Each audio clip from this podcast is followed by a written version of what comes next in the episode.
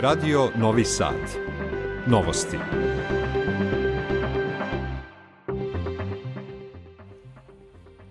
Dobar dan, ja sam Slobodan Vidović. Ja sam Mirjana Damjanović-Vučković. Nedelja je 26. februar. Sneg u Vojvodini i centralnoj Srbiji usporava saobraćaj, preporučuje se oprezna vožnja na jugu zemlje temperature i blizu 20 stepeni. U oči sutrašnjeg nastavka dijaloga Beograda i Prištine u Briselu, Vučiću stiglo pismo Makrona, Šolca i Melonijeve. Vučić telefonom razgovarao sa Erdoganom i Šoleom. Mlekari blokirali most u Šapcu, protest i u Mrčajevcima. Vojvođansko veče u Budimpešti, tradicionalna gusanijada održana u Mokrinu. Zbog snega za sutra odložen meč futbalera Partizana i Radničkog. Večera slaba susnežica i sneg, slično vreme i sutra, kažu meteorolozi, temperatura do 3 stepena, sada je u Novom Sadu 1 stepen. U oči nastavka dijaloga Beograda i Prištine predsjedniku Aleksandru Vučiću stiglo je pismo koje su zajedno potpisali predsjednik Francuske Emmanuel Macron, kancelar Savezne republike Nemačke Olaf Scholz i predsjednica Saveta ministara Italije Đorđe Meloni.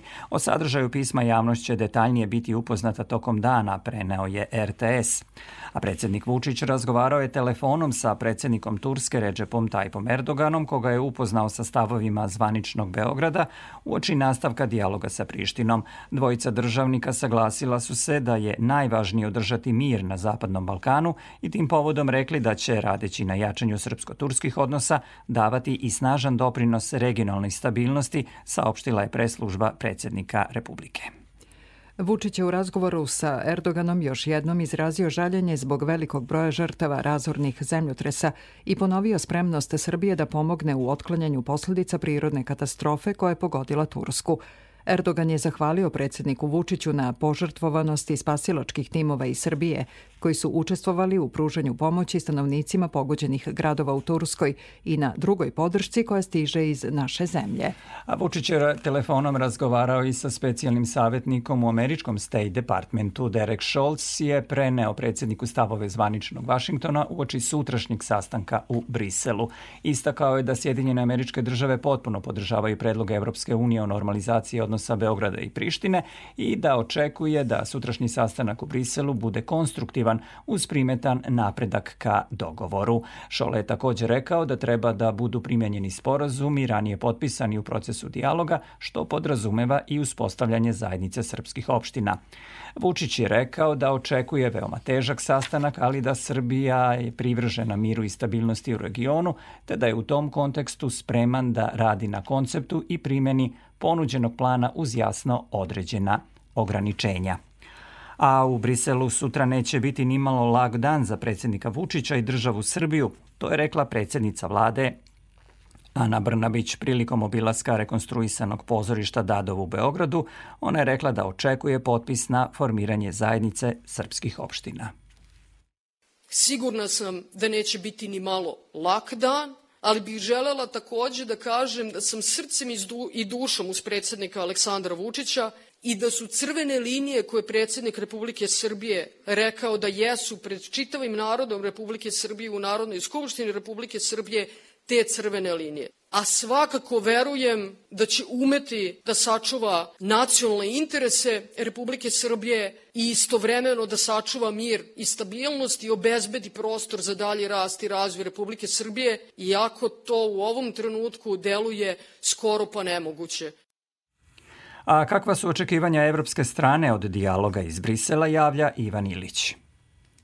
U pozivu na briselski sastanak koje je Spojno-politička služba Evropske unije uputila predsedniku Vučiću i Aljbinu Kurtiju stoji samo jedna tema, razgovor o evropskom predlogu za normalizaciju odnosa, Predlog je pre dve nedelje dobio podršku Evropskog saveta kada je uvršten u zaključke samita lidera EU, a ima i podršku Sjedinjenih američkih država.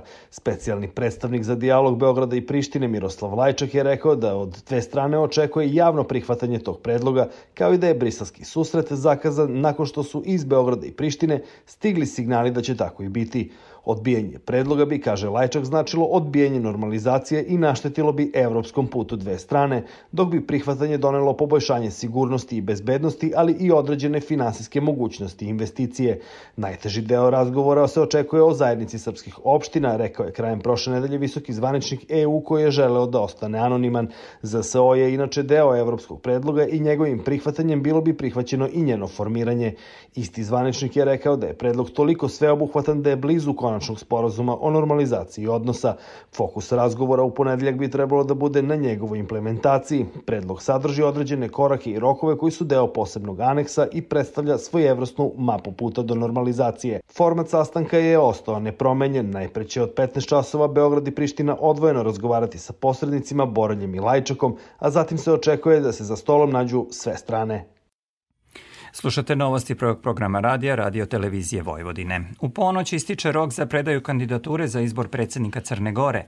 Izborna komisija potvrdila je predsedničke kandidature lidera Nove srpske demokratije Andrije Mandića i poslanice Socijaldemokratske partije Draginje Vuksanović-Stanković.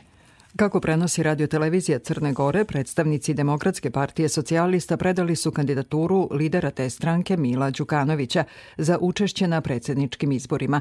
Kandidaturu je najavio i lider Demokratske Crne Gore Aleksa Bečić, a kandidat za predsednika Crne Gore biće jedan od lidera pokreta Evropa Sad Jakov Milatović.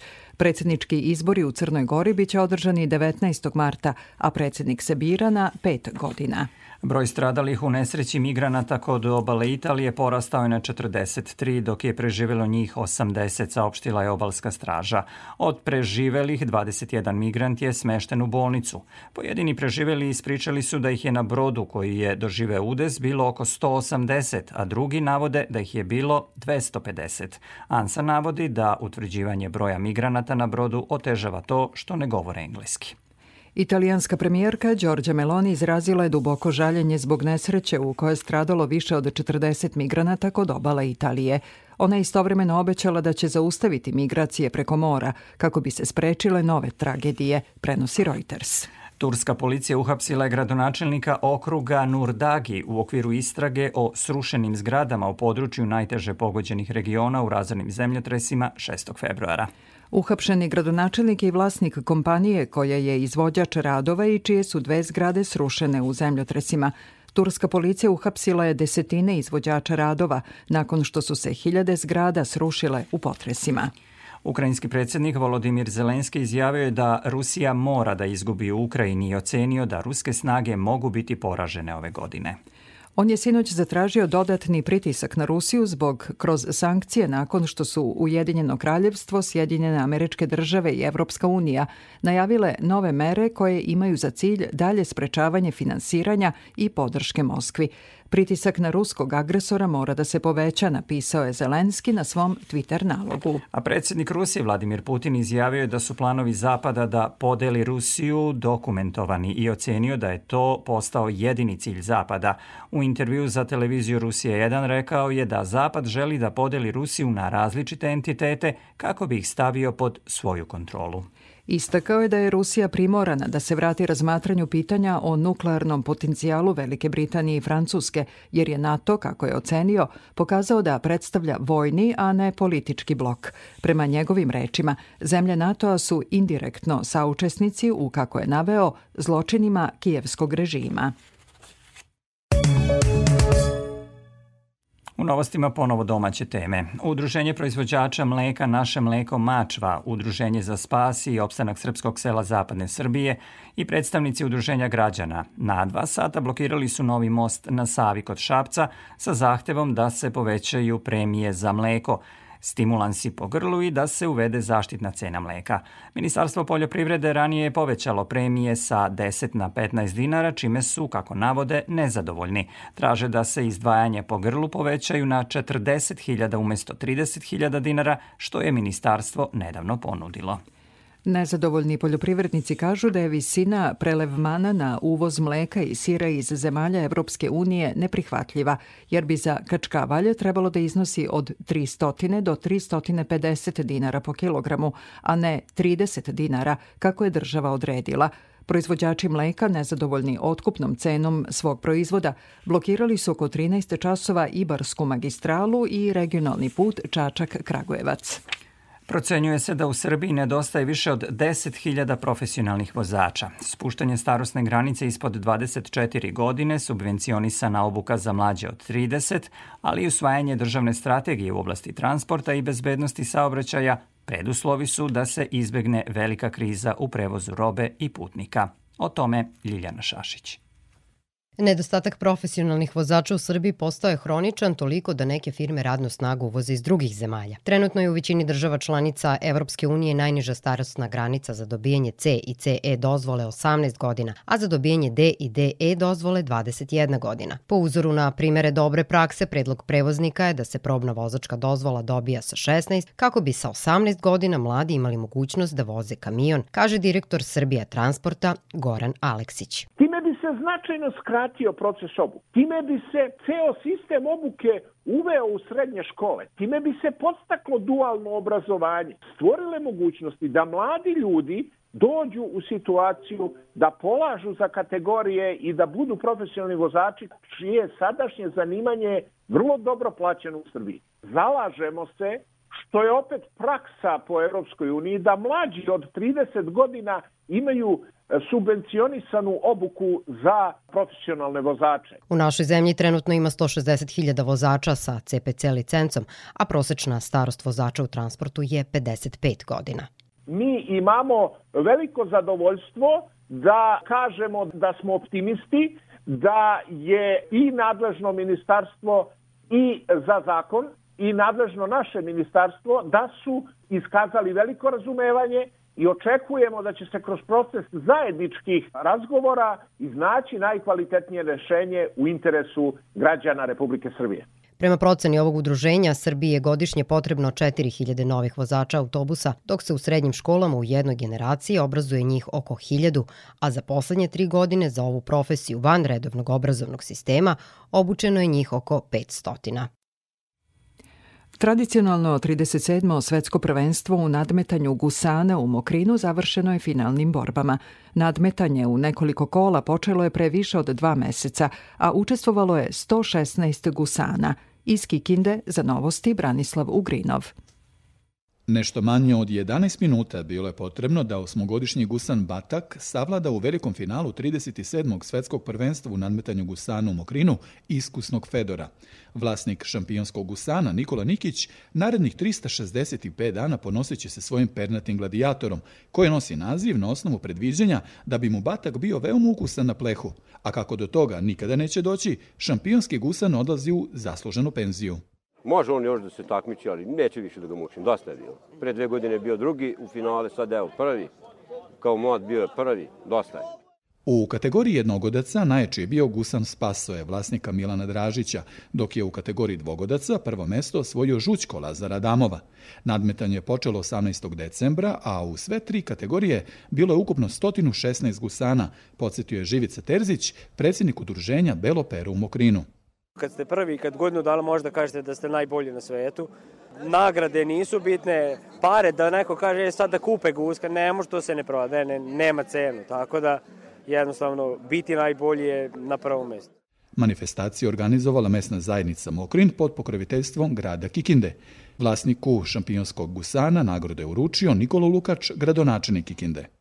Sigurno da ovo sve treba čuvati i podići na neki viši nivo, a za to sigurno može velopere i kompletni uzgajivači gusaka da očekuju podršku grada Kikinde. Najstariji i najveći šampion takmičenja je gusan Acika, star 23 godine, dok je najstarija guska čuvena četkica sa svojih 26 godina. Na manifestaciji je proglašeno i najlepše jato, kojim se ove godine ponosi Dušan Grujić. Turistička organizacija Vojvodine u saradnji sa Privrednom komorom Vojvodine učestvovala je na Međunarodnom sajmu turizma u Mađarskoj.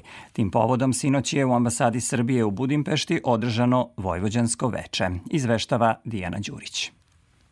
Ovogodišnji 45. sajem turizma u Budimpešti okupio je brojne lokalne turističke organizacije kao i brojne privredne subjekte iz Vojvodine. Govori dr. Nataša Pavlović, direktor turističke organizacije Vojvodine. Ono što je nama cilj e, jeste svakako umrežavanje ne samo sa lokalnim turističkim e, organizacijama. Videli ste da mi u učešćem u projektima turističke organizacije Vojvodine odavno e, izašla iz okvira klasične promocije. Mi se zaista trudimo da pomognemo i ugostiteljskom sektoru i uopšte svima onima, posebno mikro, malim i srednjim preduzećima, jer oni zapravo čine okosnicu razvoja turizma. U okviru ovog trodnevnog događaja u ambasadi Srbije u Budimpešti priređeno Vojvođansko veče. Govori Boško Vučurević, predsednik Privredne komore Vojvodine. Treba napraviti kvalitetan ambijent, treba pokazati ono sve što imamo Kako ćemo to uraditi? Tako što ćemo na ovakav način raditi prezentacije i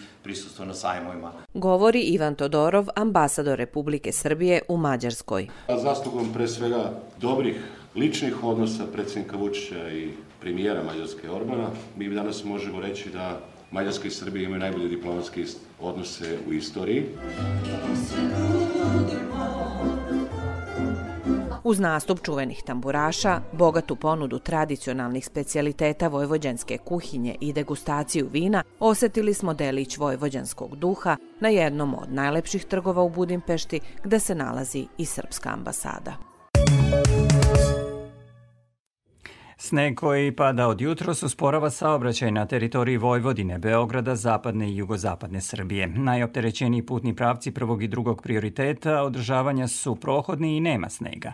Na ostalim putevima kolovozi su vlažni, a ponegde ima raskvašenog snega pa se preporučuje oprezna vožnja. Iz Automoto Saveza Srbije javlja Nevena Demjanović. Formiranje snežnog pokrivača treba očekivati i na putevima u planinskim predelima, a zbog toga je saobraćaj i na njima usporena. Na pojedinim je uvedena i zabrana saobraćaja kamionima sa prikolicom i šleperima, a prema izveštaju zimske službe uvedena je upravo na putu Loznica Osečina Valjevo, zatim od Užica preko Čajetine, Nove Varoši i Prijepolja do granice sa Crnom Gorom, kao i na putu Kremna, prelaz Kotroman. Ekipe zimske službe od jutros čiste sneg i u Novom Sadu. Javno komunalno preduzeće Put, nadležno za prohodnost na saobraćajnicama i mostovima, posipa so na sremskoj strani grada, dok je na Popovici i u Rakovcu očišćen sneg sa kolovoza. Sneg se za sada ne zadržava na saobraćajnicama u samom gradu, ali se prati stanje na terenu i kada se ukaže potreba, pristupit će se soljenju ili čišćenju kolovoza i u gradskim ulicama, a prema planu i prioritetima rada zimske službe navodi se u saopštenju. Radnici gradskog zelenila, odnosno čistoće, obezbeđuju prohodnost autobuskih stajališta, parkova i pešačkih staza na mostovima, kao i trotoara, trgova i platoa. Parking servis angažovan je na soljenju i po potrebi uklanjanju snega sa parkirališta, dok javno komunalno preduzeće Tržnica brine o prohodnosti svih pijaca u gradu i prostora oko njih. Republički hidrometeorološki zavod navodi da će tokom dana padavine biti na granici kiše i snega i u slabljenju, a ponovo će se pojačati večeras i u toku noći uz stvaranje snežnog pokrivača visine od 5 do 20 cm na zapadu i jugozapadu, lokalno i više. Duvaće slabi umeren, u Banatu povremeno jak severozapadni vetar, dok će na jugu Srbije vetar i dalje biti umeren i jak jugozapadni. Na severu zemlje temperature su oko nule, dok na jugu temperature idu i do 20 stepeni.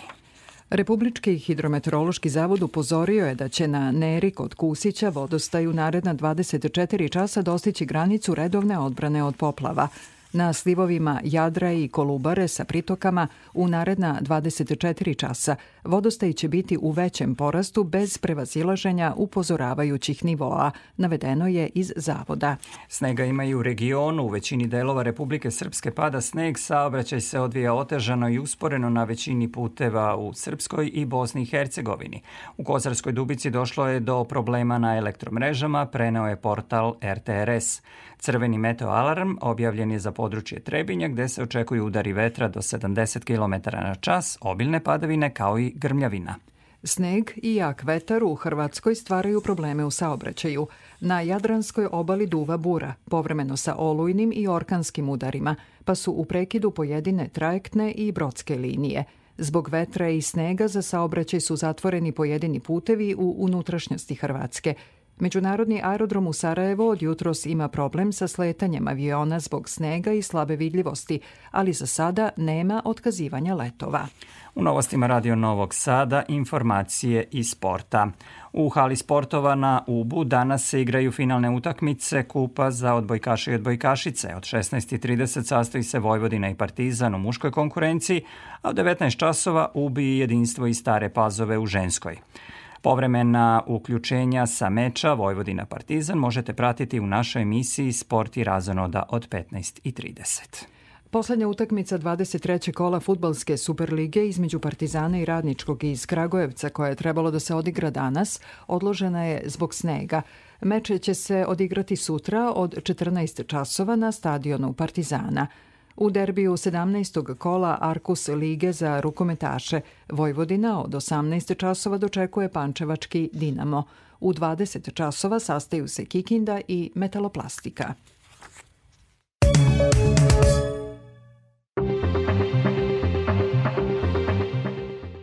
Još jednom podsjećamo na najvažnije vesti. Sneg u Vojvodini, centralnoj Srbiji usporava saobraćaj i preporučuje se oprezna vožnja na jugu zemlje temperature oko 20 stepeni.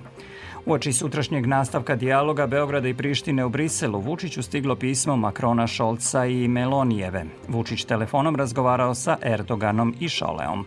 Mlekari blokirali most u Šapcu, protest i u Mrčajevcima. Meteorolozi kažu večera slaba susnežica i sneg, slično vreme i sutra, evo detaljnije prognoze. U Vojvodini u ponedljak pretežno oblačno sa susnežicom i snegom ujutro, a zatim suvo sredinom dana, kasnije popodne i uveče ponovo sa susnežicom i snegom. Vetar slab severni, pritisak iznad normale. Jutarnja temperatura od minus 2 do 0, a maksimalna od 2 do 3 stepena. U Srbiji utak neznatni porast dnevne temperature uz oblačno ali suvo vreme u većem delu dana. Od srede do subote pretežno oblačno uz manji porast temperature sa kišom i susnežicom povremeno, a u brdsko-planinskim predalima sa snegom. Za Radio Novi Sad, Žika Pavlović, Meteos. Slušali ste novosti prvog programa radija Radio Televizije Vojvodine. Ovu emisiju možete da slušate odloženo na sajtu rtv.rs, gde možete da pročitate i sve važne informacije iz zemlje i sveta – Emisiju tonski realizovao Dragan Marić. Pred mikrofonom bili Slobodan Vidović i Mirjana Damjanović-Vučković. U nastavku programa od 15.30 možete da slušate emisiju Sport i razonoda.